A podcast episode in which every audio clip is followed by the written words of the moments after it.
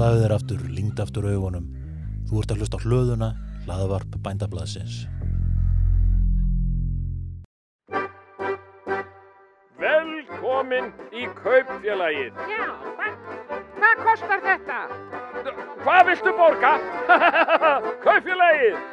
Já, komið sælar og blessaðar, eh, hlustendur góðar og, og velkomnar í hlýjuna hér í kaufélaginu. Já, hér kennir uh, margra grassa og, og af ymsu að taka. Við vorum að fá hér uh, glænýja sendingu af allskonar sem að uh, við bjóðum ykkur að njóta. Uh, já, komið ykkur bara þægilega fyrir og uh, uh, ég kynni hér kaufélagsstjóran Jón Gnar hann ætlar að koma hérna til okkar og, og segja hérna nokkur orð. Uh, Gjörðu svo vel Jón. Já, þakkaði fyrir Jón og uh, já og uh, eins og Jón saði hérna á það þá, þá býð ég ykkur hjertanlega velkomnar og uh, það er af mörg að taka. Uh, ég er uh, bara hress í dag og uh, ég bara hress, ég er bara meir en hress ég er bara mjög hress sko. Og uh, og hérna uh, bara gaman að vera til og og uh, margt að gerast sko. Annars er þetta svona pff, þetta er uh, þetta eru dapurlegir tímar sem við erum að gangi gegnum og uh, því er ekkert að neyta uh, þetta er bara uh, dapurlegt og uh, uh, og svona þessar uh, afleðingar af þessari helvitis flensu uh, eða þessari pest eða hvað maður á að kalla þetta. Og þær eru miklar og, og víða. Og, uh, og lífið verður aldrei samt eftir þetta. En uh, og uh, já ég er, búin að vera í skóla í vetur. Eða haust, þannig kannski ekki komin vetur. Uh, og uh, og það er búið að vera margt mjög sérstakt. Uh, ég sem sagt uh, er uh, að taka masterskráðu uh, í, í sviðslistum eða, eða performing arts við Listaháskóla Íslands. Og uh, við hefum ekki farið varhluta af þessu, þetta á að vera svona veist, þetta er uh, þetta er alþjóðlegt nám og, og við erum þarna uh, sjö einstaklingar viðsvegar að úr heiminum.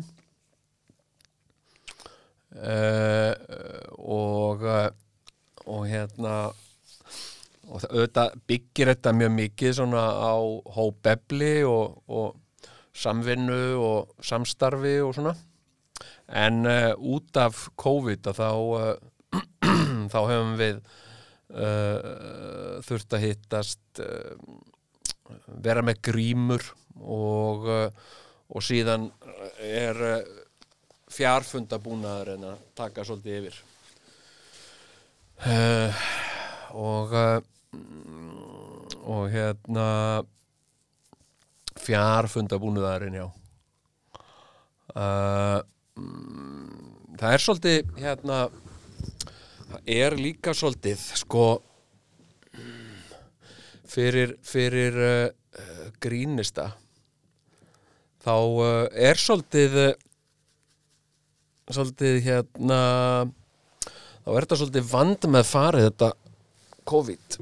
Uh, núna er uh, núna er vinna byrjuð við við skaupið og það byrjar það byrjar svo vinna byrjar síðsumar. Uh, uh, og uh, þá, þá er verið að, skrifa þetta og, og svo er þetta tekið upp í oktober, november og, og, og, klift þannig að, þannig að sko og COVID er náttúrulega búið að vera vera allsráðandi og uh, og hérna uh, já. Og uh, og ég var að mynda sko ég er náttúrulega sjálfur að byrja með, með tvíhöða, tvíhöða er að byrja aftur og uh, og uh, ég ætti kannski að svona segja því þetta er podcast sko, í dag er 28. september, það er mánudagur. Uh, mánudagur til mæðu var nú oft sagt hérna en uh, ég tek ekki alveg undir það. Þetta er uh, þetta er mánudagur til afreka og framkvæmda. En en hérna já, við erum að byrja tvíhöð aftur og uh, uh, og uh, sko uh, og þá er svolítið spurning sem að maður veltir fyrir sér. Og líka held ég hljóti að, að þau sem er að gera skaupi hljóti líka velta fyrir sér. Hvað má mikið gera grína þessu? Uh, það er mjög vandasamt að að gera grín að einhverju svona eins og COVID-19 uh, og uh, og þeim árum það. Vegna þess að að uh, það er misjafnlega uh, fyndið fyrir fólki. Og uh, erfitt að uh, það er bara mjög vand með farið. Og uh, og ég verð að prófa svona ymsa ymsa svona ymist svona COVID-grín. Uh, og sömt uh, virkar alveg. Hérna uh, og uh, og til dæmis uh, grímugrín. Grímugrín held ég að virki virki alveg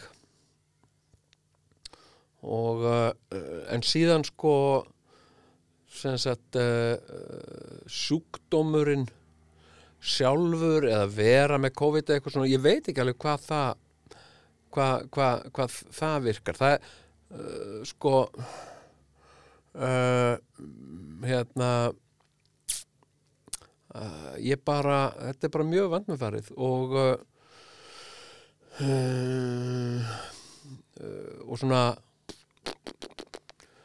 svona heilt á litið uh, svona þegar ég er að fylgjast með uh, fréttum og, og upplifa líka bara á eigin skinni þessar aðgerði stjórnvalda gagvart, gagvart verunni að þá, að þá hérna þá finnst mér þetta nú sjaldnast eitthvað svona spauilegt sko. Þetta er bara rosalega ömurlegt. Uh, það er uh, sko það er ekki bara það að þessi vírus ógni heilsu okkar öryggi heldur uh, líka er svona efnahagslegt hrun og og hérna það er bara og það er uh, kannski já, ein hræðilegast, ég myndi ekki segja að það sé hræðilegasta hliðin á COVID en það er ein ömrulegasta hliðin á, á COVID. Það er það er sko uh, vinnan sem fólk er að missa og og svona hérna, brosnar forsendur og uh, og þetta er bara ömurlegt sko. Uh, það er uh, alveg fullt fullt af fyrirtækjum gjaldtróta eða bara mm, á barmi gjaldtrót og síðan er svona, svona atvinnuvegir eins og eins og ferðabransinn túristabransinn uh, það er meir og minna bara komið á hold og uh, fullt af verkefnum uh, uh, sem að, sem að uh, ég hef verið með sem að uh, eru bara eru bara uh, horfin og, og það er bara mjög glatað sko. Uh, uh, ég uh, ég var með áætlu verkefni í, í leikósunum það er verið að setja upp uh, leikrit eftir mig í þjóðleikúsinu og ég veit ekki hvað hva verður með það. Og síðan ætlaði ég að vera með sýningu Norður og Akureyri og uh, hún er áætluð núna í oktober en ég veit ekkert hvað verður með það. Og uh, og einhverju viðburðir svona uh, sem að, sem að uh, ég var alltaf að vera með að taka þátt í. Og það er allt einhvern veginn í óvissu. Uh, síðan er svona líka bara, ég finn það bara sko að það er svona vaksandi pyrringur og, uh, og þreita í fólki. Það, það er svona má, það eru margir sem með ekkert við miklu sko. Uh, og ég sé þetta bara sé þetta bara í umferðinni og, og hérna og svona út í út í maturubúðum og svona. Uh, það eru margir bara mjög pyrraðir og uh, og hérna og ekkert ástæðu lausu sko. Þetta er náttúrulega bara orðið uh, ógæðislega uh, langt og leðilegt og uh, ég var með mikla spádóma í upphafi faraldursins. Þá var ég að spá þessu hinnu og þetta myndi nú gera svona gerast svona og hins egin og eitthvað svona. Og uh, og hérna það gekk nú ekkert alveg eftir sko. Uh, hérna en uh, uh, ég uh, ætla að spá einu ég ætla að spá því að, að mótefni verði tilbúið og og uh, og tilbúið til til afhendingar og og ístungu uh, 14. februar á valentínusadaginn hér á Íslandi. Uh, og það verður það verða, það verða miklir eh, miklir gleði tímar og uh, og síðan mun þessi þessi leiðin, þessi vetur hann, hann mun verða hann mun verða leiðinlegur og hann mun verða þungur. Uh, en uh, við munum nú samt drullast í gegnum þetta. Og uh, og hérna og það mun uh, það mun reyna mjög mikið á marga uh, innviði í samfélagin okkar. Og og við verðum svona tilnætt til að kannski standa þéttar saman heldur en við höfum þurft að gera. Uh, hérna mm, já, en ég ég er engin spámaður. En, uh, en hérna uh, það er margt í mörgu. Ég er með brakandi nýtt uh, bændablað hérna fyrir frá mig. Uh, og uh, ef einhver hefur mistað mér segja það þá uh, tel ég uh, bændablaðið uh, besta besta blað sem útkemur á Íslandi.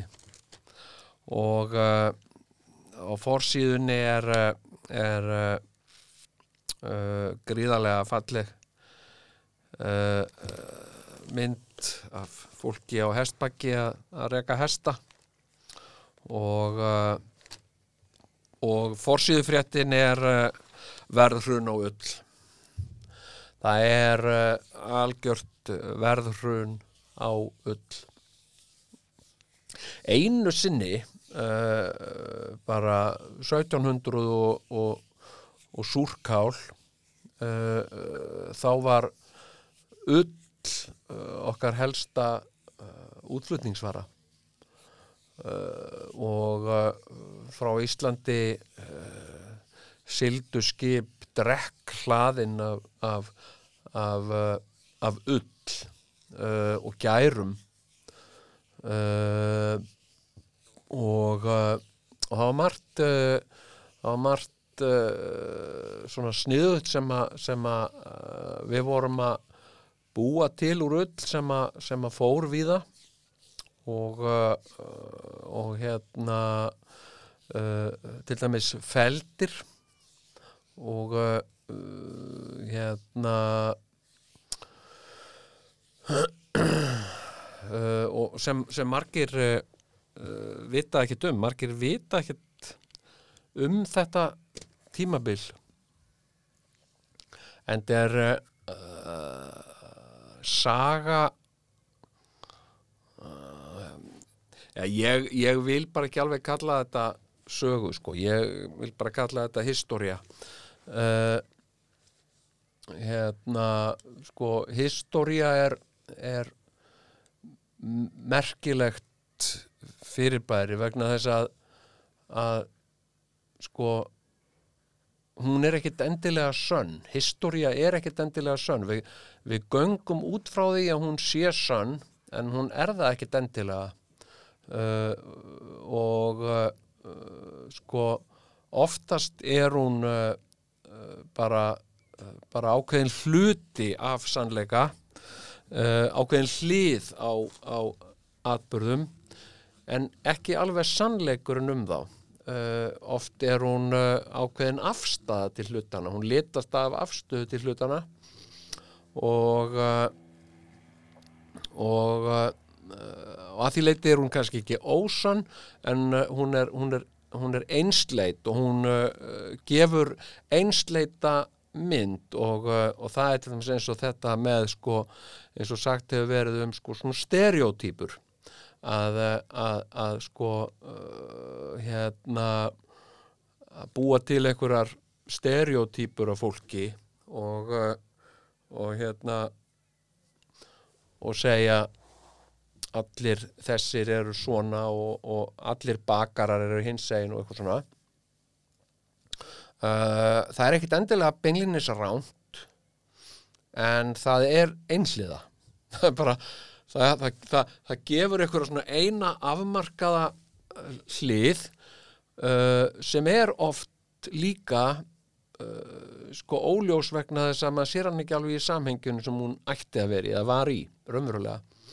Þannig að historia er ekkit endilega sannleikur og, og oft á tíðum oft á tíðum þá er hún líka bara uh, hreinlega lígi en bara, hrein og klár lígi sko.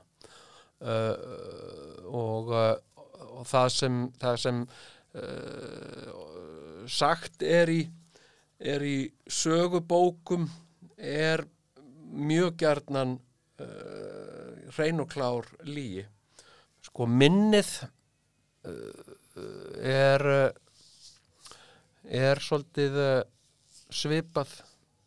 Mér finnst orðið saga yfir historiu ofbúslega vond orð. Uh, uh, sko í fyrsta lagi þá er þetta uh, sko eitt af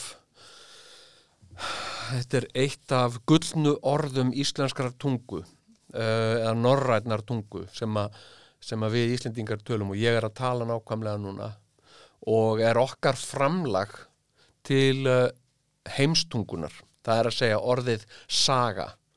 Uh, uh, og, uh, og þetta kemur frá okkur. Og, og mér finnst það svolítið svolítið hugsunarleysi og bara illa gert að, að taka þetta fallega forna orð og gera það að heiti yfir, yfir fræðigrein sem er historia. Uh, uh, og uh, já, mér, mér finnst það uh, bara mér finnst það bara ekki gott sko. Og uh, uh, hérna og bara illa farið með, með gríðarlega gott orð. Uh, en, en historia er líka svolítið eins og, eins og minnið uh, minnið okkar.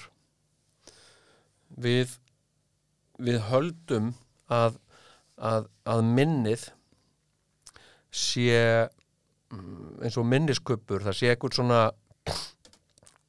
það sé eitthvað svona geimsluhólf í heilanum á okkur og uh, uh, og hérna og þar séu þar séu minningar bara skráðar og, og, og geimdar en, en uh, rannsóknir uh, á minni sína að, að svo er ekki. Uh, uh, þegar að með þessum tækjum sem til er í dag er búið að gegnumlýsa heilan í fólki og svo og hérna og hægt að mæla virkni í heilanum uh, þá kemur í ljós að þegar að við erum að við erum að rifja eitthvað upp uh, þá þarf heilin að sækja það hingað og þangað og alltaf þegar við hugsum um sama hlutin þá er, þá er heilin í hvert einasta skipti að setja hann algjörlega saman upp á nýtt. Uh, og uh, og hérna bara eins og eins og uh, legokupa bíl uh, þetta er bara, bara svipað. Uh, hérna við setjum saman legokupa bíl úr hundruðum uh, legokupa og uh, og tökum hann svo sundur. Og svo segjum við við eitthvað herðu já ég var að setja saman hérna uh, hérna Batmobíl Batmobílin úr Lego, já ok, má ég sjá hann? Já býta aðeins. Og svo bara setjum hann aftur saman. Uh, hérna hann og tekur hann síðan aftur í sundur. Þetta, uh, og heilin er meira að segja sko, hann er að sækja minningar uh, út fyrir sjálfan sig. Hann sækir minningar í, í tögakerfið og hann sækir minningar jafnvel bara út í sko líkamann, út í útlimi. Og, uh, og minningarnar okkar eru eru uh, sko geimdar út um allt. Það er bara svona litlir bitar hér og þar af minningum sem heilin setur svo saman og, uh, og alltaf þegar við erum að rifja eitthvað upp uh, þess vegna er þráhyggja líka hún getur verið svo skæð sko uh, vegna þess að ef við erum með þráhyggju yfir einhverju minningu eitthvað sem gerðist eða eitthvað svo leiðis uh, að þá uh, uh, sko hefur minningin tilneyingu til að brenglast með tímanum. Og, uh, og hérna en heilin heilin heldur því alltaf fram við okkur að þetta sé algjörlega rétt en það þarf ekkit endilega að vera það sko. Eða það er það ekki alltaf sko. Auðvitað getur það verið alveg hár rétt en það er það samt ekki alltaf. Og uh, þetta er svolítið þetta er svolítið hérna þetta er svolítið uh, merkilegt. Uh, já, þetta er bara þetta er það sem gerist og, og hérna uh, og það er svona, ég, ég hef upplifað þetta sko á á skilningarvitunum mínum. Sko að nú oft talaði um að trú ekki sínum eigin augum. Og og það er uh, sko svolítið ofsagt vegna þess að uh, að ég trúði bara ekki mínum eigin augum. Uh, uh, sko þá er maður ekkert að, að, efast um augun í sér í rauninni. Maður er bara að efast um uh, raunveruleika þess að maður sér eða þá heilan, maður er ekki að hugsa ég trúði ekki mínum eigin augum. Uh, hérna uh, hérna uh, uh, sko, og ég ætla að láta aðtúa mér augun, það er, það er ekki alveg þannig.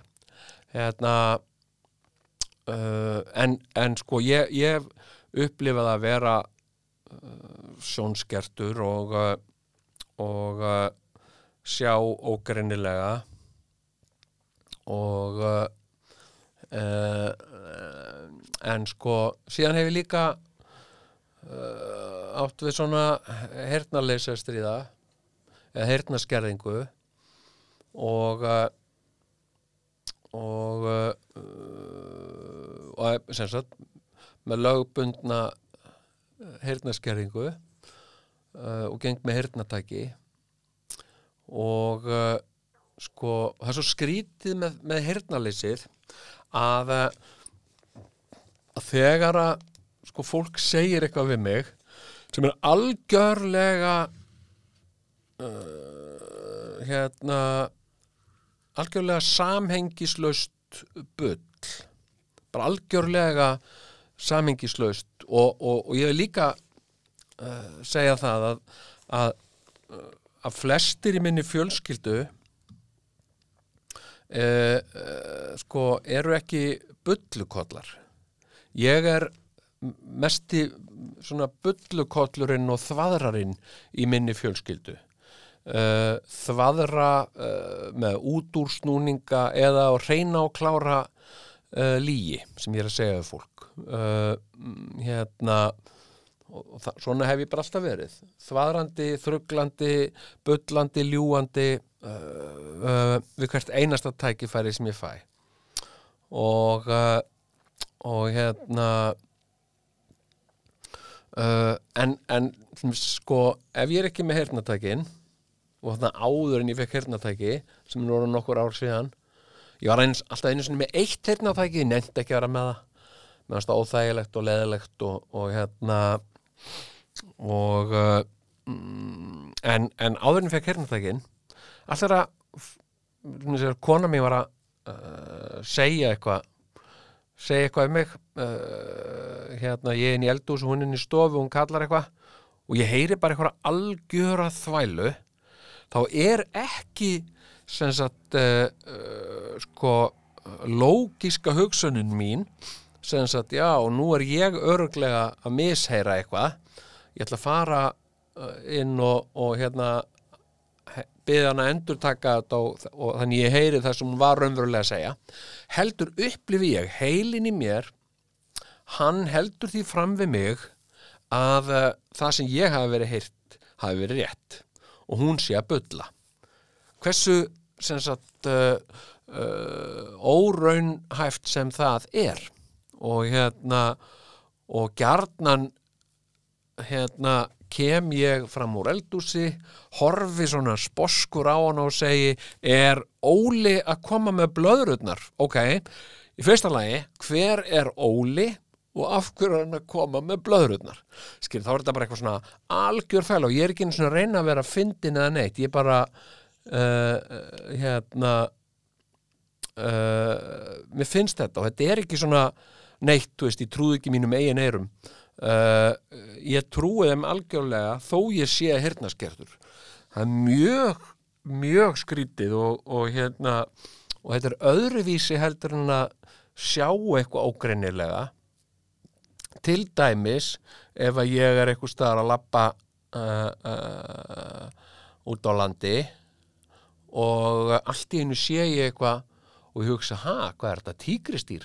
Þá veit ég strax, nei, nei, þetta er ekki tígristýr og hérna, uh, þú ert bara að missjá þetta og það lappa nærus og þá er þetta eitthvað annað og svona, en með, með, með heyrnin, þá virkar veginn örvísi. Heyrnin, uh, það sem að það sem að kemur innum eirað, hljóðin, sem heilin býr til og segir mér að hafi heyrst, því trú ég. Ég einhvern veginn hef enga ástæðu til þess að við fengja það það er, það er, uh, það er sko í undan tekningatilfellum sem að ég hugsa, nei Jón, þú ert heyrnalaust og þetta er örglega eitthvað bull sem þú ert að heyra ég, ég, hérna, ég er alltaf einhvern veginn alveg vissum að þetta hafi verið það sem ég heyrði og, og uh, ég get bara nefnt mjög gott dæmi með þetta sem að ég, sem að ég uh, uh, segi stundu frá.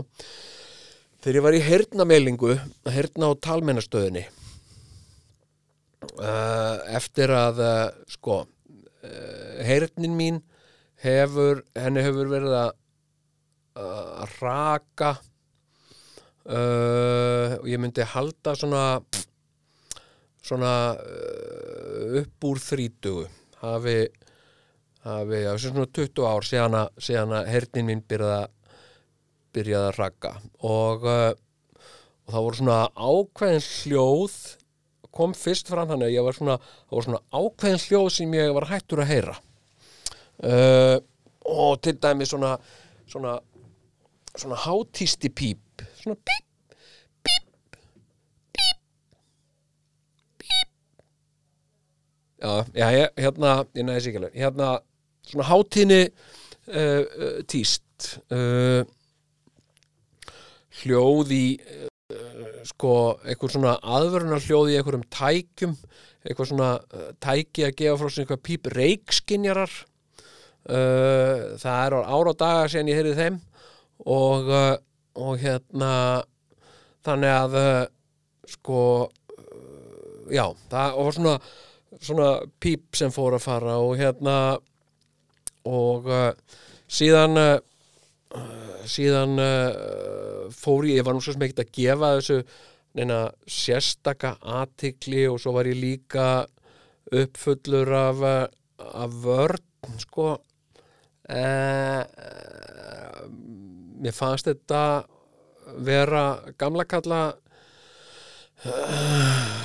gamla kalla dæmi svona heyrnaleysi og, uh, og ég er bara alltof ungur til að vera heyrnalaus mér fannst það og uh, og síðan var ég líka óþreytandi við að kenna öðrum um. Ef ég heyrði ekki það sem fólk var að segja, þá var fólk ofta að tala óskýrt. Það var að muldra og, uh, og hérna uh, og við áttum ófá slík samtölin uh, ég og kona mín uh, uh, þar sem að hún sagði þú ert heyrnalaus og ég sagði nei, þú bara muldrar. Þú bara talar ekki skýrt. Bara tala skýrt og það heyrir fólk það sem þú ert að segja. Og uh, hún sagði ég tala skýrt, þú ert heyrnalaus og ég sagði nei, það er ekki rétt. Já, uh, og uh, og hérna síðan gerðist það örglega uh, 2016 þetta var stór vandamál mm, þegar ég var borgarstjóri.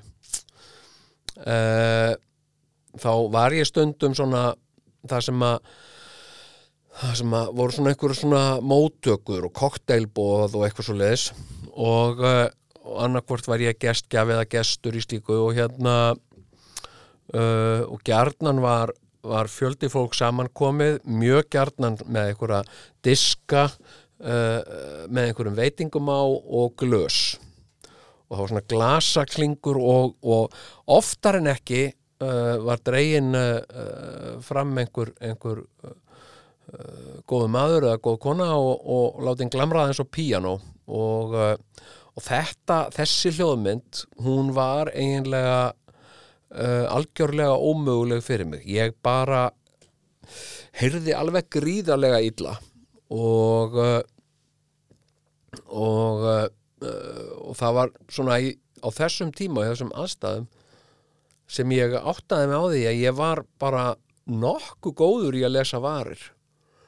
Uh, og uh, og hef hef uh, gert það svolítið lengi að, að svona að sjá hvað fólk er að segja ef ég heyri það ekki uh, merkilegur eiginleiki vegna þess að ég hafði ekki sko sérstaklega æftan eða, eða farið á neitt námskeið eða neitt svoleiðis, þetta er bara þetta er bara svona sjálflært.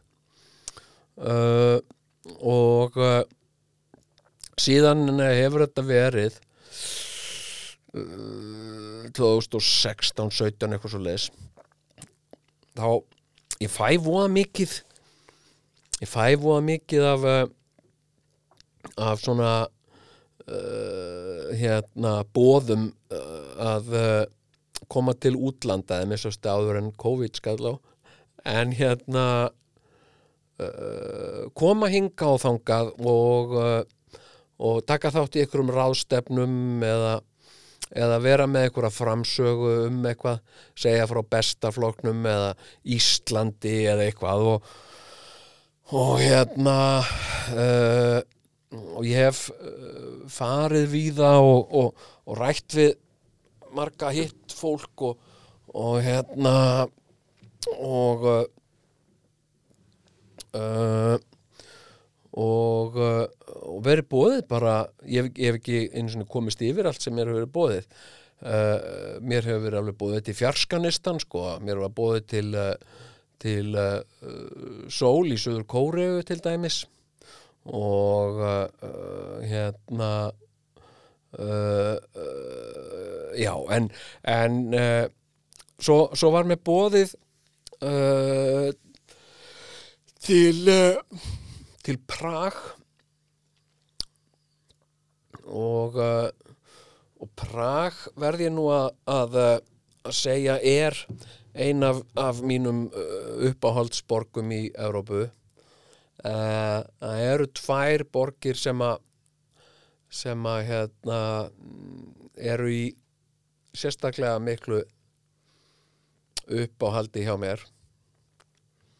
Uh, og það er Prag og, og, uh, og Vínarborg. Sko hérna og það furðulega er sko að sko að það er tengjast uh, einhverjum bókum. Uh, og uh, sko og það er, það er oft sko hérna uh, eins og með, eins og með Prag sko uh, Prag tengist svolítið uh, góða dátunum Sveig eftir, eftir Jaroslav Hasek. Og og hérna og mér finnst alltaf eitthvað svona upphefð af því að koma þangað af því þá er ég einhvern veginn á sömu slóðum og, og góðu dóttin sveik.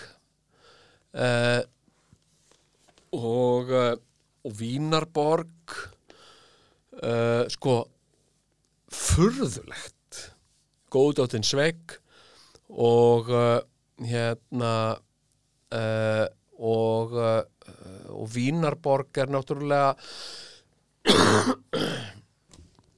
var höfuðborg uh, Stefánsvæk uh, uh, rithöfundar og og, og, uh, og hérna og bókin hans sem er, er nú eina ein eftirminnilegsta bók sem ég lesi sem er Veröld sem var eftir Stefán Svæk hérna hérna og uh, og svo var hún líka sem sagt Vínarborg.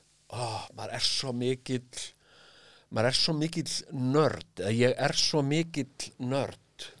Hérna uh, sko uh, Vínarborg uh, og uh, Ludwig Wittgenstein uh, uh, heimsbyggingurinn sem að sem að er, er eitt sá heimsbyggingur sem að sem að og ég reyndar, ég reyna að segja ekki heimsbyggi því að hérna, mér finnst það ekki alveg nóg gott. Ég, ég v- myndi vilja eh, segja filosófía uh, og uh, og hérna, já en ég hef mikinn mikinn áhuga eða ég hef áhuga á filosófíu og, og hef alltaf haft uh, og uh, og hef lesið einhverja filosófera og og uh, sömt af því uh, skil ég og sömt finnst mér sniðugt og, og annað skil ég ekki og, og sömt finnst mér bara uh, bara leðilegt sko.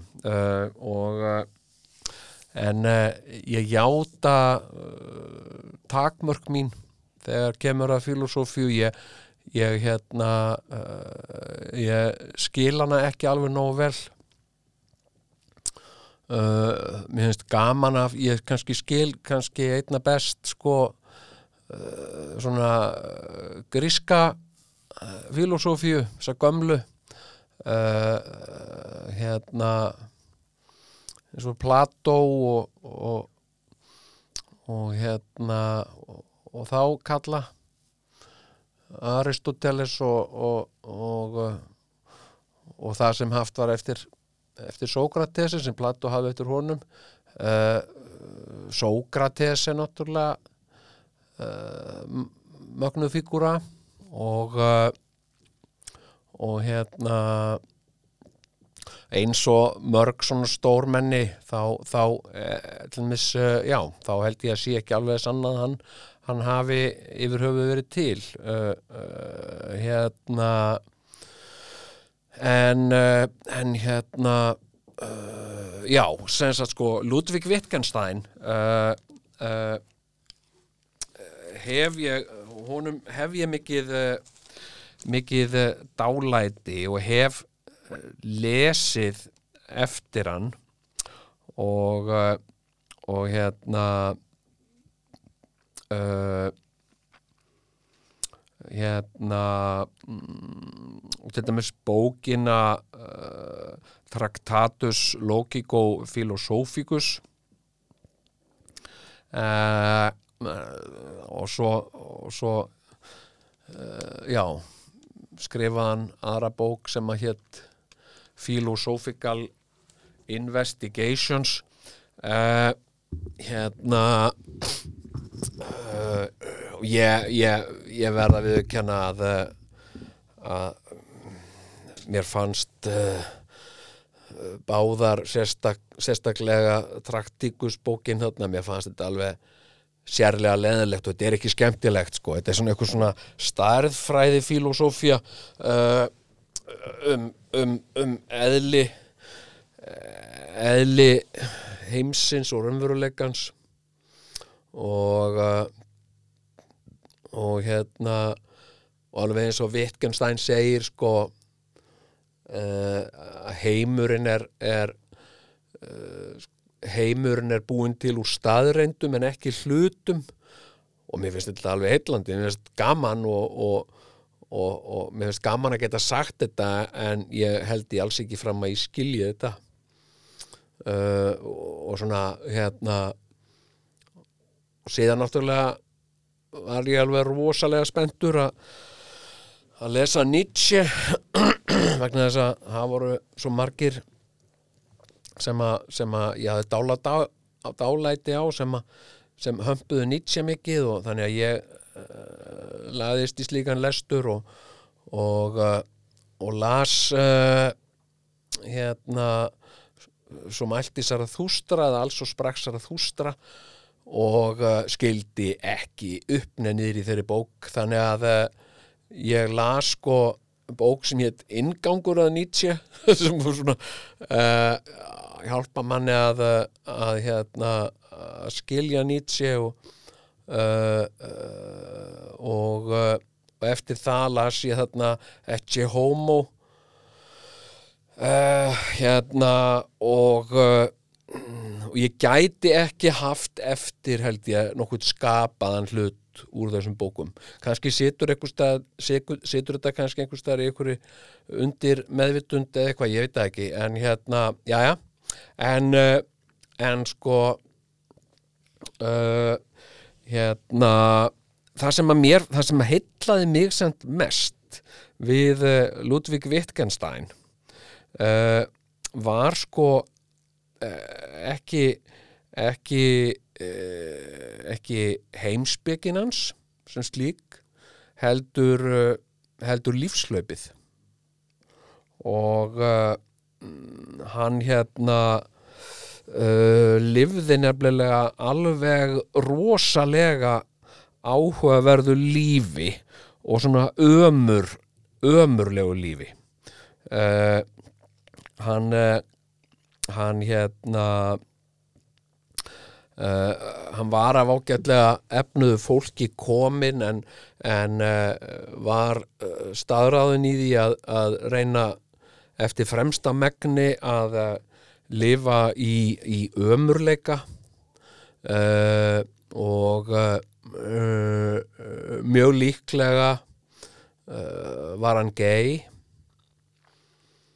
og og hérna en hann var líka sko uh, svona svona kristilegur ofsatrúamaður uh, uh, og hérna var alveg gríðarlega hrifinn af, af Tolstói Leo Tolstói og, og hérna og það er annar að sem að hérna uh, uh, ég hef uh, dálæti á hvað maður getur þvaðra sig áfram um alls konar ránkala.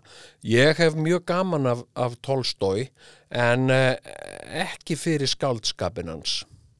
Uh, hérna, sko, ég hef lesið lesið svona hans höfuðverk uh, eins og Stríð og Friður og og Anna Karenína og og hérna uh, en, en, en sko ég hef uh, meira gaman af af svona filosófískum hugleðingum Tolstóis. Uh, og og sérstaklega svona uh, uh, hérna pólitískri filosófíu hans. Uh, Tolstói var anarkisti uh, og upphafsmaður hins svokallega uh, kristilega anarkisma sem, a, sem a er ein, ein merkilegasta útgáfa anarkismans. Og og hérna, náttúrulega gallin við anarkisman er að sko, uh, það er engin uh, sem ræður. Uh, og það er hérna án stjórnar.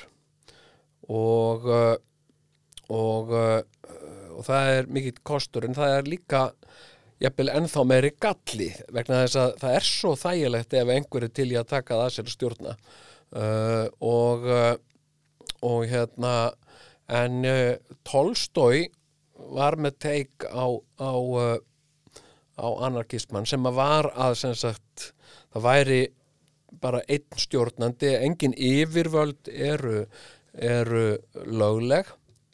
Uh, en það er eitt yfirvald og það er bara guð sem er ágætis sem er ágætis teik á þetta sko. Og hérna og hann varð upphásmaður uh, kristilega anarkismans og, og, og reynlega bjó hann til. Og uh, og hérna uh, og síðan og það hafði mikil áhrif sko. Miklu miklu meiri áhrif heldur en fólk gerir sér almennt grein fyrir.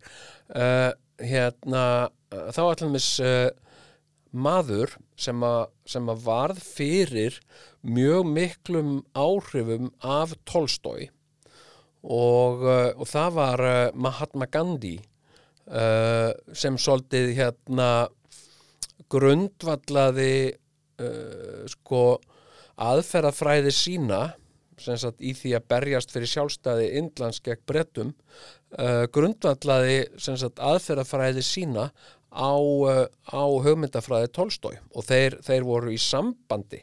Þeir skrifuðust á og það er mjög aðdeglisvert uh, fer nú ekki hátt sko. Hérna uh, þeir, þeir skrifuðust á og, og þessi brefuru varðveitt og hérna mjög aðdeglisvert að sjá, sjá sko heilu, heilu reyfingarnar verða til út frá einhverju sem skrifað er eða sagt. Uh, en já, ég var að tala um Ludvig Wittgenstein og og hérna uh, og uh, sko uh, ég var svo miklu miklu hrifnari af lífslaupi hans.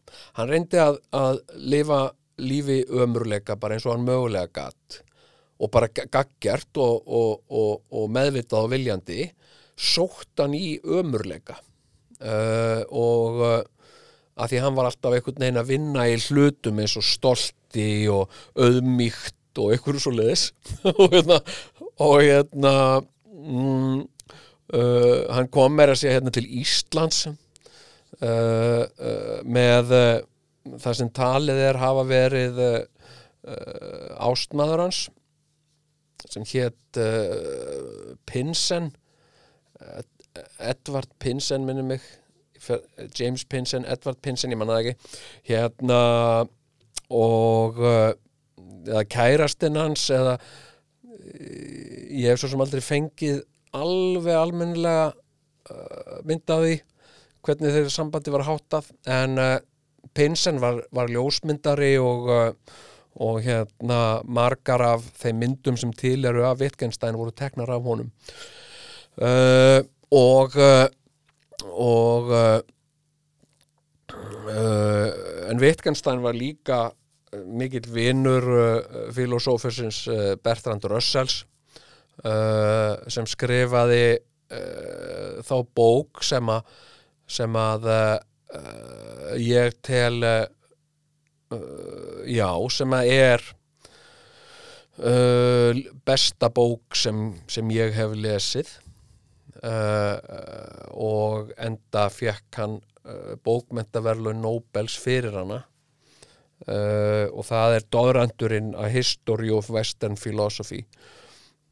Uh, já, en, en hann og uh, Wittgenstein voru, voru mikli félagar og, og hérna uh, og hann var svona eins og margir, hann var aðeins að reyna hjálpa Wittgenstein og, og hérna honum uh, auðveldara fyrir en, en, en, en Wittgenstein var staðræðin í að hafa það ömulegt og hann kom hingað til Íslands held ég uh, í, í leitað ömurleika. Og uh, uh, Pinsen var með honum en það var samt ekki varðveist uh, neinar ljósmyndir. Þessi ein ljósmynd hann hafi komið hérna 1913 uh, og uh, var hér í nokkra daga uh, og uh, hann skrifaði aldrei neitt um þetta og honum fannst Ísland held ég ekki alveg nógu ömurlegt. Hann var að leita sér hann var að leita sér einhvern veginn uh, að ömurlegasta krumma skuði í heimi þar sem hann gæti gæti dvalist. Og, uh, og nokkrum árum setna uh, legðan eða kefti sér einhvern uh, einhvern kofagarm einhver staðar í einhverjum, einhverjum fyrði í Noregi og, uh, og þar hjælt hann til mestmegnis einn og hafði lítil samskipti eða engin við bæjarbúa hjá bænum sem húsi stóð hjá. Og, uh, og Nor en Norrögur var, var nógu ömurlegur fyrir hann. Uh, og uh, uh, það er til alveg frábær bók sem að sem að heitir A Duty of a Genius uh, og uh, er eftir mann sem heitir Monk uh, ég ætla bara ég ætla bara hérna já, hérna uh, hún heitir hann heitir Raymond og, uh, og þessi bók hans uh, A Duty of a Genius uh, er algjörlega stórkostleg og, uh, og, og það var ok, það sem ég var sem sagt að tala um var Vínarborg. Og uh, og hérna sko uh, fjölskylda Wittgensteins Wittgenstein var náttúrulega alveg opbóðslega gáðaður og hann var mikill eh, starffræðingur og, og rökhyggjumaður og svona. Og systir hans í, í svona ákveðni leið til þess að hjálpa honum vegna þess að hann vildi aldrei þykja ölmusur. Hann, hann vildi frekar sko hann vildi frekar sko svelta í hel uh, hérna heldur en að heldur en að að þykja eitthvað af auðæfum fjölskyldu sinnar. Og hann var mjög auðugur í fjölskyldu komin.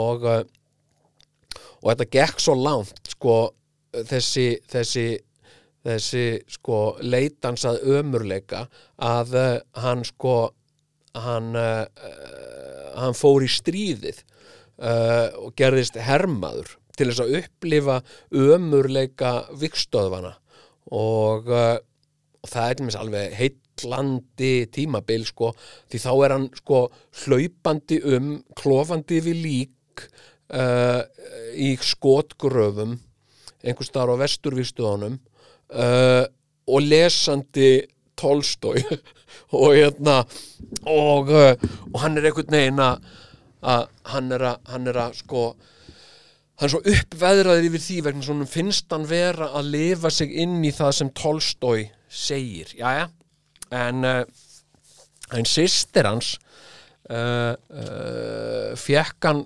uh, sko til að uh, teikna fyrir þessu hús og uh, í Vínarborg.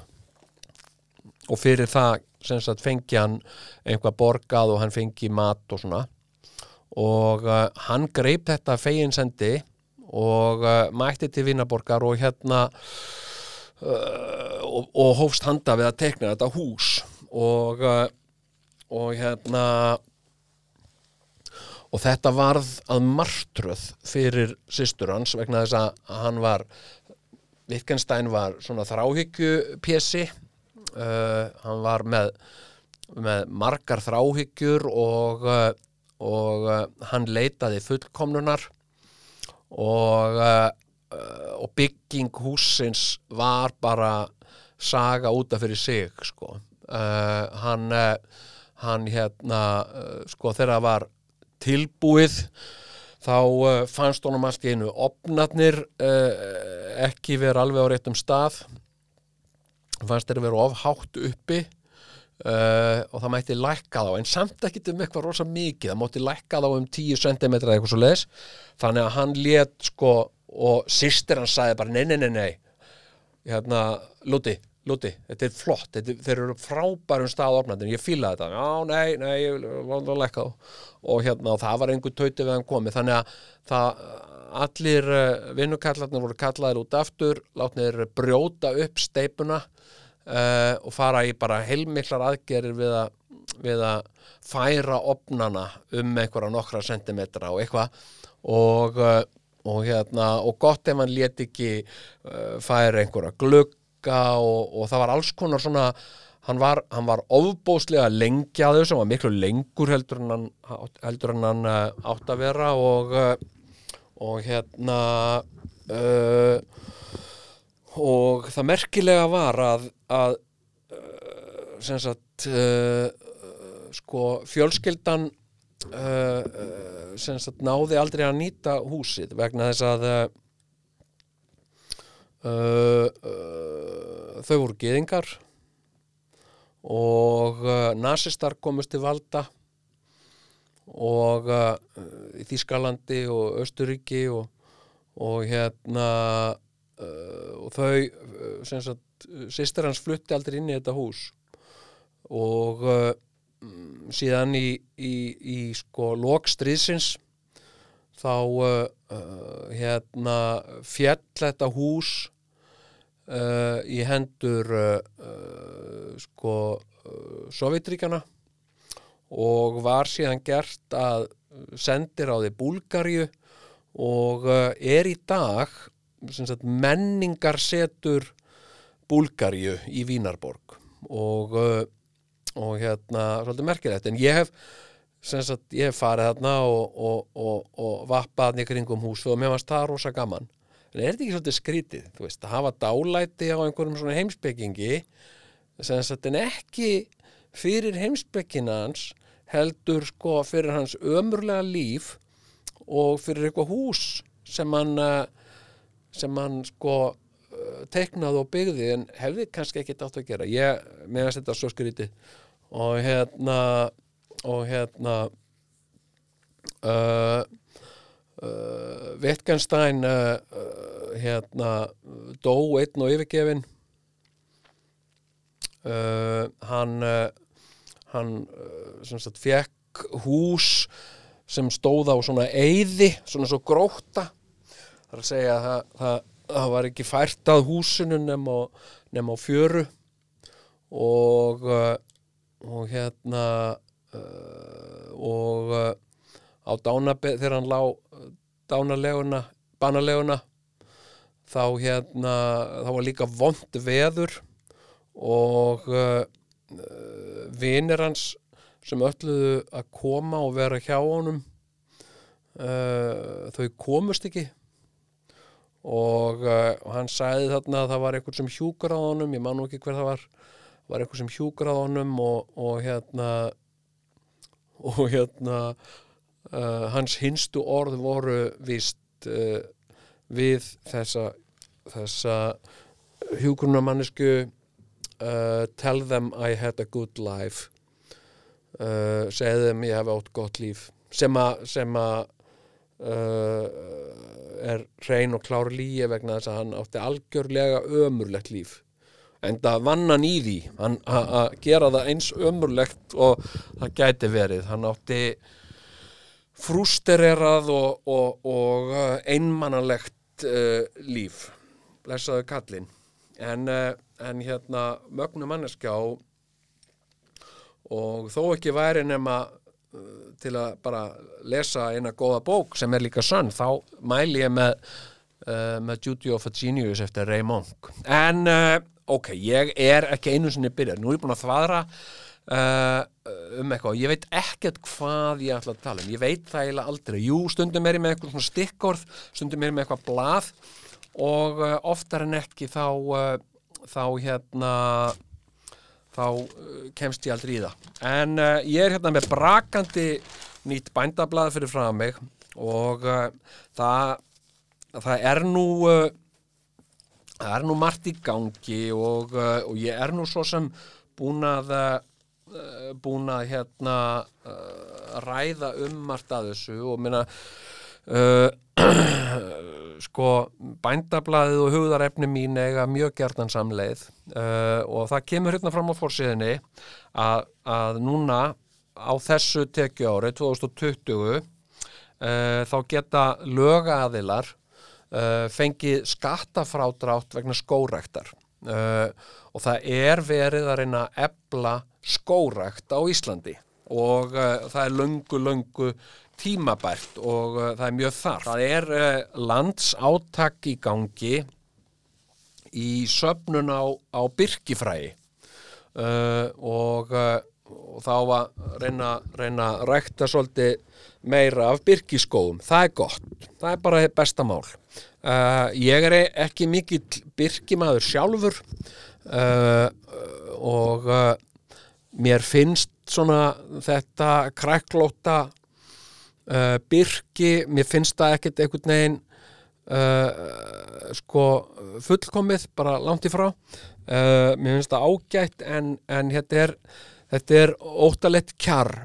Og hérna og uh, sko byrki, eða sko fræsöfnun er alveg ógeðslega spennandi fyrirbæri og fyrir alla sem að, sem að uh, hafa áhuga á uh, trjárækt og eru með þetta með þessa land sem að, sem að uh, þau hafa áhuga á að, að rækta upp þá er fræsöfnun uh, mjög einföld og ódýr leið til þess að uh, til þess að rækta uh, fallegan skó uh, og núna, nákvæmlega núna er einmitt uh, rétti tíminn til þess að sapna fræjum.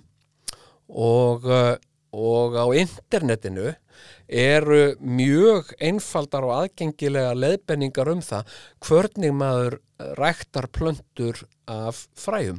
Og ég byrjaði að gera þetta fyrir nokkrum árum síðan.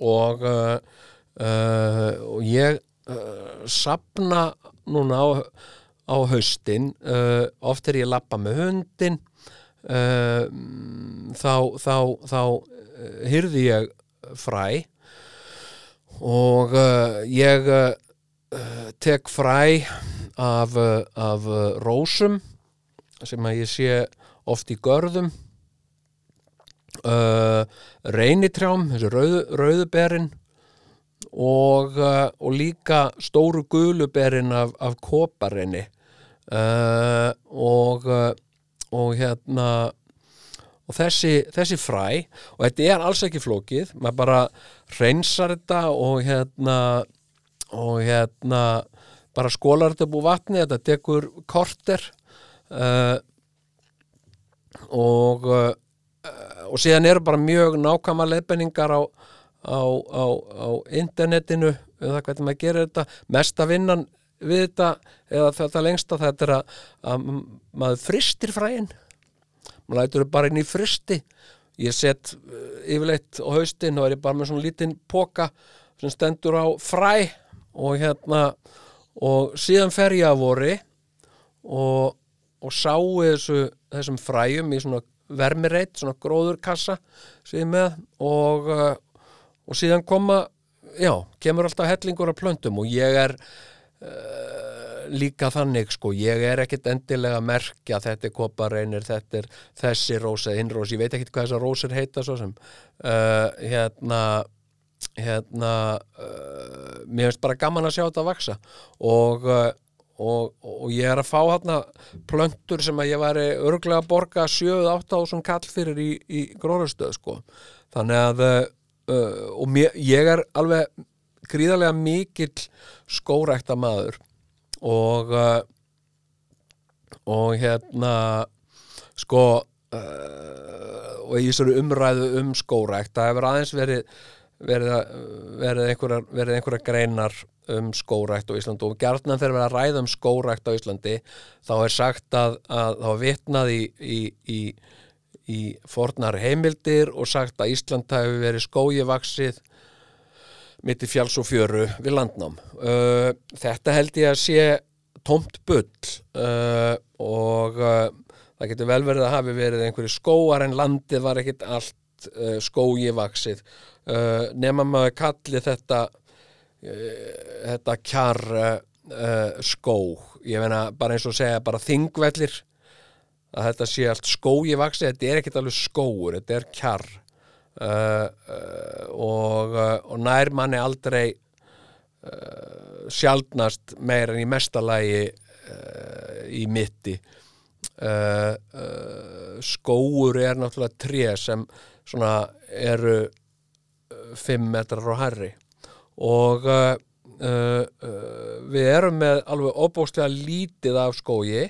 1% af landinu er skógivaksið eitthvað svo les og uh, mér finnst við ættum að uh, auka þetta upp í svona 20% mér finnst það mjög ásættanlegt og, uh, og þá geta þeir sem vilja haft sinn berangur bara uh, og uh, og hérna og þeir sem vilja skó geta haft sinn skó. Og, og mér finnst við eiga að uh, svona fjárfesta meira í nýtjaskógi það er að segja skóur sem að munvaksa og núna miðan við loftslagsbreytingar og hlínandi, veð, lofsla, hlínandi veður og svona uh, þá eru bara alls konar tækifæri í skórækt fyrir þetta land til framtíðar. Uh, og, uh, og ég er að gróðusetja tré sem að ég mun kannski aldrei sjá almennilega verða einhverju stóru tré en komandi kynstóður munu sjá það og hugsanlega geta hokkið niður þetta tré og búið til eitthvað úr því. Uh, uh, hérna uh, skóur eru náttúrulega bara sko ekki bara hérna að búa til súrefni og, og búa til skjól fyrir okkur og, og, og alls konar dýralíf heldur eru þau líka uh, náttúru öðlind uh, og uh, og mér finnst bara uh, no-brainer að uh, vera ekki að fjárfesta í framtíðinu með þessum hætti með því að bara gróðursetja uh, tré sem að munu nýtast uh, fólki kannski eftir, eftir tvær, þrjár aldir. Þá verði bara komin, komin stór tré hérna sem hægt verði að högva niður og smíða úr. Uh, en, uh, en ég, ég fagna þessu byrki átaki og bara allur skóur er góður skóur það er bara þannig. Og uh, og síðan sko er er hérna uh, sko leiðari reittstjóra uh, Harðar Kristjánssonar uh, sko uh, er um þetta sem að, sem að eh, hefur verið mikið rætt um í bændablaðinu núna sérstaklega eftir COVID og það er fæðu öryggið að, að, eh, að vera okkur nóg sem sagt í fæðu framleiðslu hérna innanlands og reyna að halda áfram að reyna að finna leiðir til þess að tryggja uh, hérna matvælaframleiðslu á Íslandi fyrir uh, þá sem á Íslandi eru. Í staðin fyrir að vera alltaf að flytja inn eitthvað, eitthvað uh, frá útlöndum. Uh, og, uh, og það er náttúrulega mjög mikið til í þessu uh, uh, hérna í fyrsta lagi þá erum við að búa til vinnu. Þetta er, vinn-vinn vinna, vinna fyrir okkur öll. Uh, og og síðan erum við líka að, að skapa okkur öryggi. Það er að segja að, að við getum séð okkur sjálfum fyrir mat og, uh, og það er mjög gott en það er við ramman reypa draga. Uh, uh, landbúnaður á Íslandi er er flóknari og erfiðari heldur en viða annar staðar. Og, uh, og það hefur aðalega með veðufarið að gera. Og og hérna mm, og svo er þetta líka einhverju leiti svona uh, kerfislægur vandi. Uh, það hefur til verið talað um að að- að að- að breyta álver í kálver. Hvað með að nota einhverja svona byggingu á sama sömu stærragráðu og álver uh, nema bara að rækta þar grænmeti og ávexti og svo leiðis og uh, ég er bara einn af þeim sem að finnst að við eigum að gera það. Ég, ég, mér finnst að við eigum að reyna að rækta eins mikið og við mögulega getum hérna á þessu landi. Uh, og uh, og hérna uh, og við eigum að bara uh, sko uh, án þess að velta því fyrir okkur. Við eigum bara að ebla alla ræktun, allan vöxt uh, á landinu. Og uh, og hérna sko uh, en síðan er þetta náttúrulega, svo er þetta bara spurning um peninga og, og hérna þú veist, af hverju ætti ég að vera að borga þú veist, 2000 kall fyrir eitthvað sem ég get keft á 1000 kall? Uh, og uh, og hérna þannig að þetta er þetta er hérna þetta er stór spurning sko.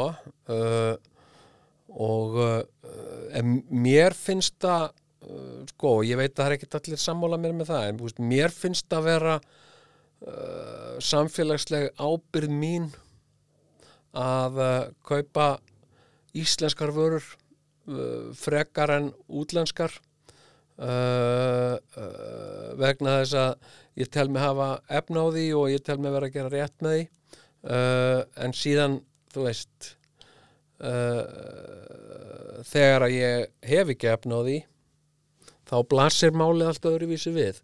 Og þar sannast til forn hvenna og það sem að Njáll og Bergþór Skóli sagði svo eftirminnilega money talks and bullshit walks. Uh, og það er, bara svolítið þannig. Uh, hérna síðan er svona sko uh, eins og ég hef talað um áður sko uh, þú veist, það er hérna uh, og þá tala ég sem neytandi og, og, og sem fulltrúi neytanda uh, mér okkur neytendum uh, finnst stundum hafa verið komið aftan á okkur uh, í þeim vörum sem okkur hafa verið seldar. Og, uh, og það er bara það er miður og, og það er mikill skaði og, uh, og það er nokkuð sem að sem að matveru framleiðendur uh, uh, þurfa að horfast í augu við og viðurkenna. Uh, stór ástæða fyrir því að Íslendingar uh, vantreista íslenskum vörum er vegna þess að þær hafa stundum ekki staðið undir þeim væntingu sem til þeirra voru, til þeirra voru gerðar. Og það er mikil synd uh, og, uh, og mér finnst bara glatað og ömurlegt uh, hérna uh, til þess að hugsa að sko til dæmis eins og bara þegar Costco opnaði hérna uh, og Costco kom hérna með bara ákveðina staðla hvernig þeir vildu hafa hluti. Og, uh, og hérna þá fór maður að sjá í fyrsta skipti á Íslandi uh, kótelettur uh, skornar með þeim hætti sem, sem uh, rétt og eðlilegt þykir. Uh, uh, ég veit ekki hvað hvað ég hef oft keift uh, og ekki, ekki er við bóndan að sakast í þessu frekar en nokkur öðru. Uh, heldur uh, framleiðendurna sem framleiða úr kjötinu. Ég veit ekki hvað ég hef oft keift eitthvað svona uh, hérna í einhverju sósu í einhverju svona plastpakningu, eitthvað á grill og síðan er veistla og ég tek þetta upp og, og grilla þetta og kemst síðan að því þegar að sósan svona lekur á þessu að þetta er aðalega bein uh, uh, og uh, bein og seinar uh, og og þetta þetta náttúrulega bara nær engri átt og uh, og vera framleiða þú veist, úr því gæða ráefni sem við eigum hérna til matvæla framleiðslu að vera að framleiða eitthvað uh, sem, að, sem er ekki gott, sem er ekki nógu gott og er ekki vel gert sko, hérna neini, menna, ég tók einu svona myndir ég keifti einhvern lærisneiðar sko, svona í einhverjum pakka og jökki Uh, og ég tók myndir af þeim 70% og ég viktaði skar mjög uh, samviskusamlega og mjög sangjant sagt kjötið frá beininu.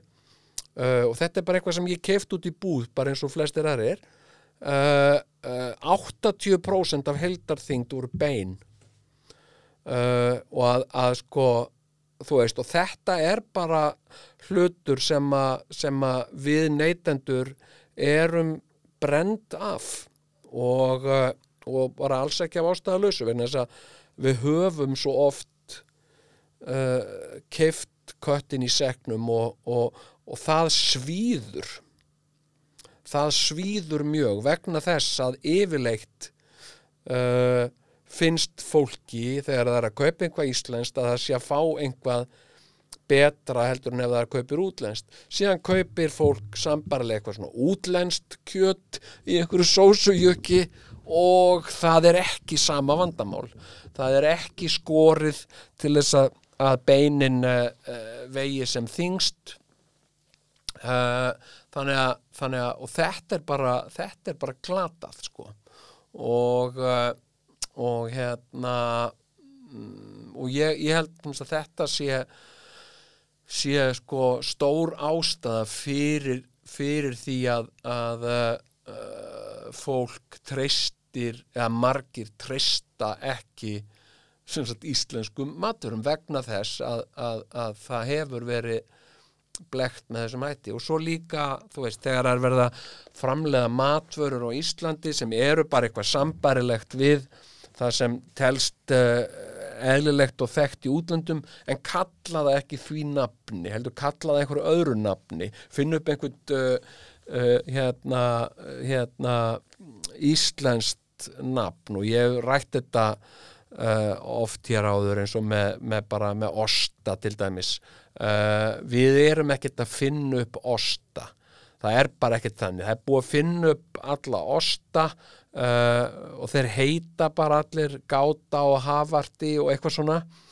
Uh, það þarf ekkert að endur skýra þá sem, sem, sem sem sveita ostur eða eitthvað svona, veist, þetta er bara hérna uh, þetta er bara sko þá bara þá bara, við eigum bara að framlega hér vörur sem uh, við höfum ráefnið í það að framlega hérna vörur sem standast uh, fyllilega samanburð við erlendar vörur og, uh, og við eigum að gera það bara óhyggjað uh, og, og hérna fer alltaf í tögarnar á mér. Hérna, hérna í, í kjötborðunni í krónunni ég veistla nú alltaf í krónunni. Hérna í kjötborðunni í krónunni er alltaf verið að er, er, er, er hérna vínarsnitsel uh, sem er ekkert vínarsnitsel. Vínarsnitsel er, sko snitsel uh, úr kálfakjöti og uh, en, uh, en hérna það er búið að setja svínakjött í, í bröðrasp og kalla það vínarsnitsel, það er ekkert vínarsnitsel. Og allt þetta bull þarf að hætta sko hérna sagt, þetta verður bara til þess að ég og, og, og, og við neytendur við hættum að treysta þessum aðila vegna þess að við, við okkur grunar að hann beiti blekkingum sagt uh, þykist vera að selja okkur vínarsnitsel sem er síðan bara grísakjött í raspi. Uh, og hérna uh, og, uh, og það er svona já, það er, það er uh, mikið svona en, en, en ég er alveg sammála rittstjóra bændablasins um það að það felast mikil tækifæri í þessu mótlæti sem við höfum verið að, að takast á við. Hérna til þess að uppfæra og efla íslenska matarframleyslu og, uh, og hérna og í því sambandi þá, þá vil ég líka ganga svo langt, ég vil segja sko að hún þarf ekkit endilega bara að vera til manneldis. Uh, hérna sko uh, það eru til dæmis sko uh, það eru rosalega mikil tækifæri í, í framleiðslu á uh, hunda og kattamatt uh, og, uh, og hérna uh, gælutýra fóður er alveg uh, sko uh, heil fræðigrein útaf fyrir sig. Og sem, sem hundaegandi til margra ára þá hef ég hugsað mikið um, um dýrafóður og uh, hund, hundamatt ég meina ég er svona gæi sem að sem að les um sagt uh, hundamatt og uh, og hérna og ég meira að ég horfi á myndbönd uh, og ég sko minnst vænt um hundana mína og ég vil að, að þeir fái uh, góðan uh, mat sem er biológist ætlaður fyrir hunda. Hundar og kettir eru kjötætur fyrst og fremst. Uh, hérna og uh, og það er biológist rétt fæði fyrir þessi dýr. Uh, hérna það að, að, að kettir drekki mjólk og borði fisk það er bara algjörlega okkar uppfinning.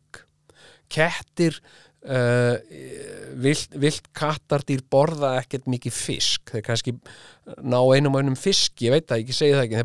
Þetta eru dýr sem borða aðalega kjöt.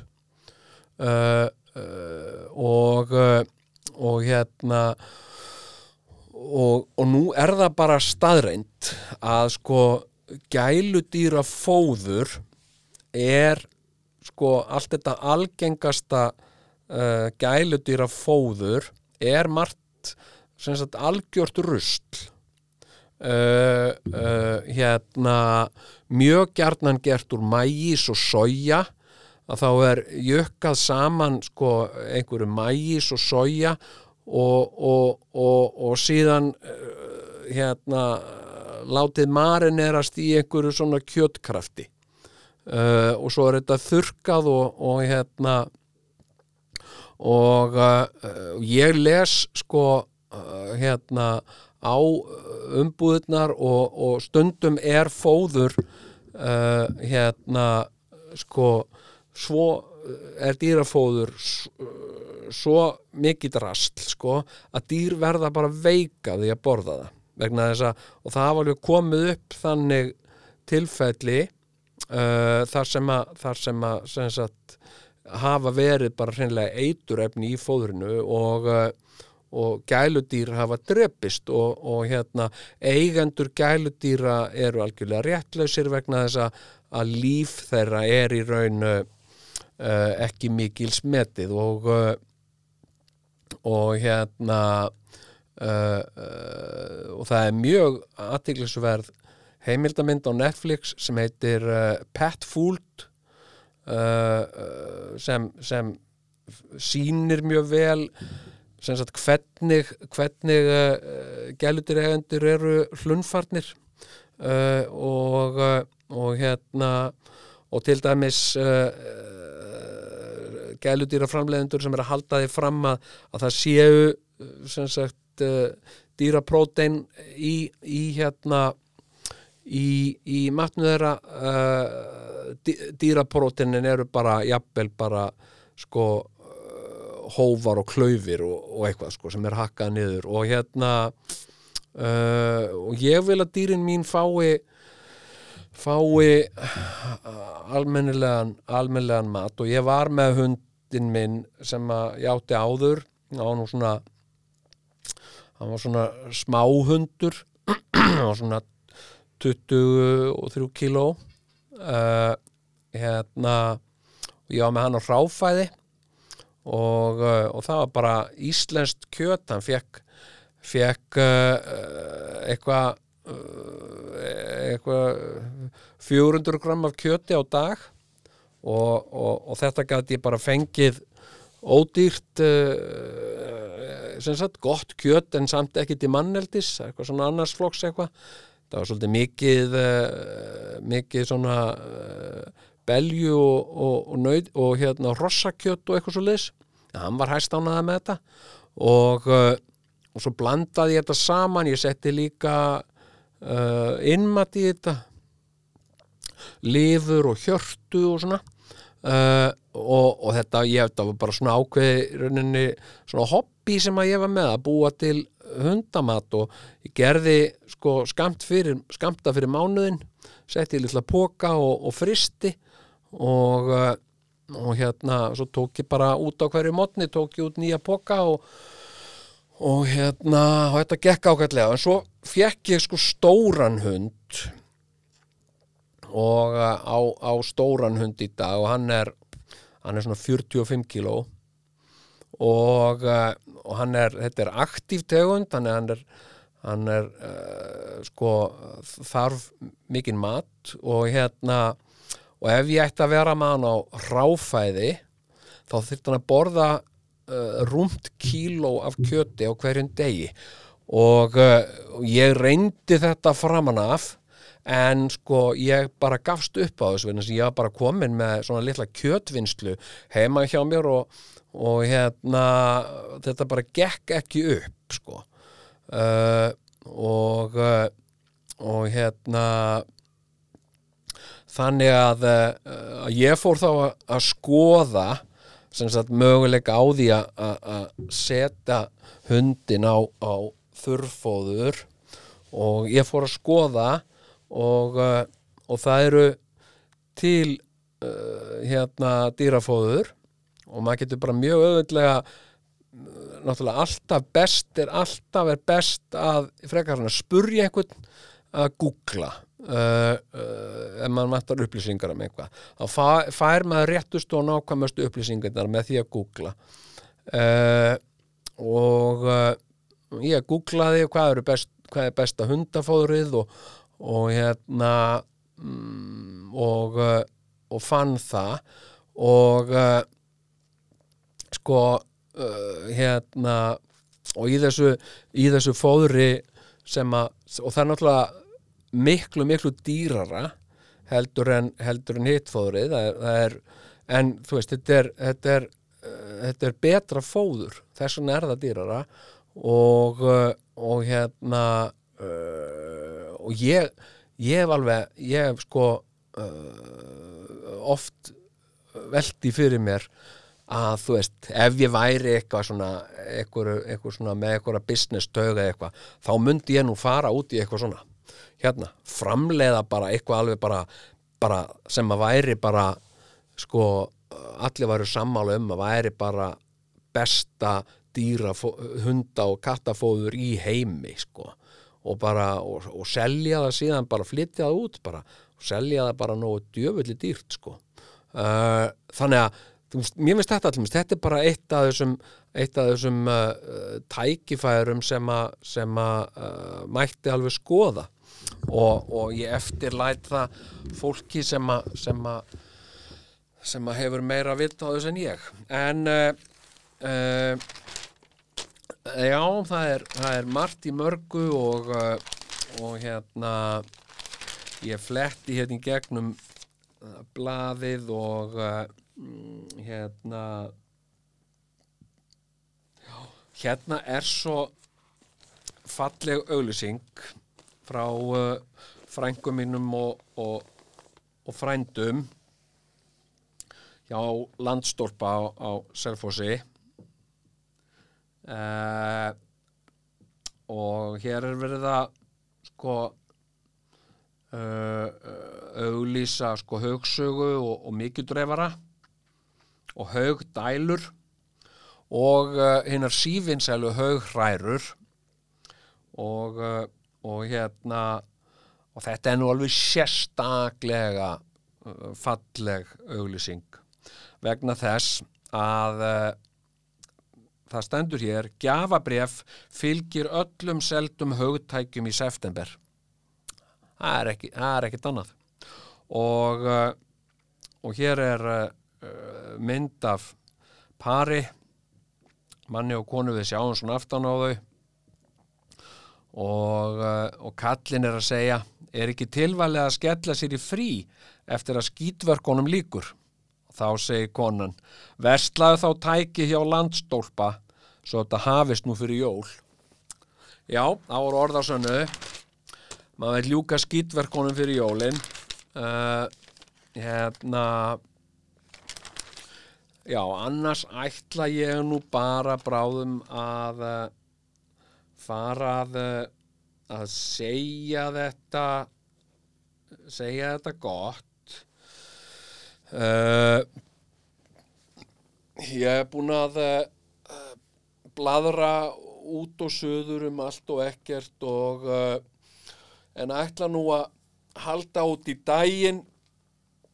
Ég er að fara já tíma á dekkjaverkstæði.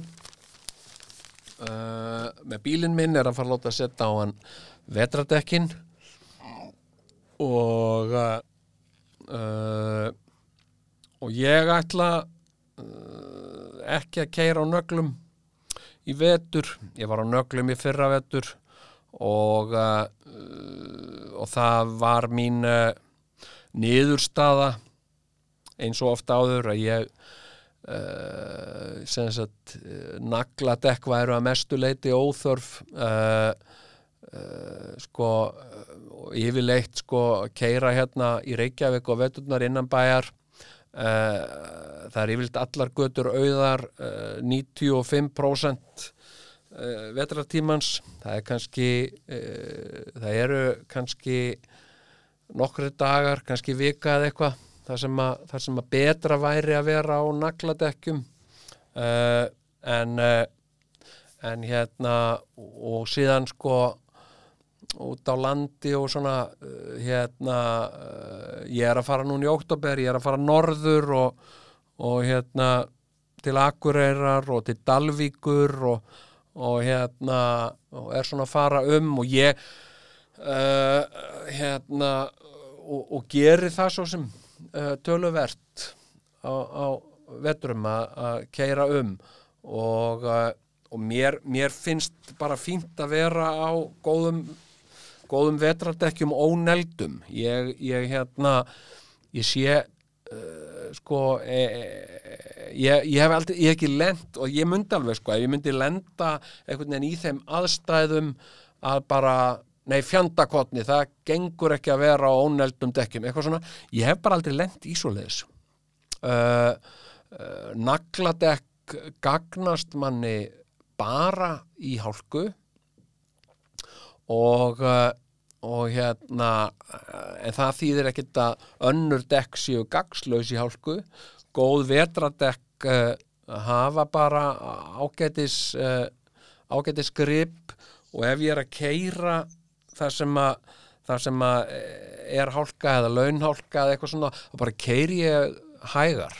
Ég keiri bara varlega. Og og hérna sko nagladekk gagnast ekkit í snjó til dæmis, það hafa ekkert uh, hérna uh, ekkert betra grip en önnur dekk og uh, og hérna og þá slepp ég líka við þetta. ég er alltaf svona að ég minnst bara leiðir og líka bara háfaðinn af þessu nagladekkjum uh, hérna uh, mér finnst eiginlega alveg nóg að vera lulla á mínum stóra díselbíl uh, með þeim vélarhljóðum og, og mengun sem honum fylgir sko þó ég sé ekki bæta onna á að háfa það í nagladekkjum og, og hérna og vitandi að ég er ekkit sagt, já, svona 97% tímans er ég ekki að gera neitt nema bara uh, búa til einhvern háfaða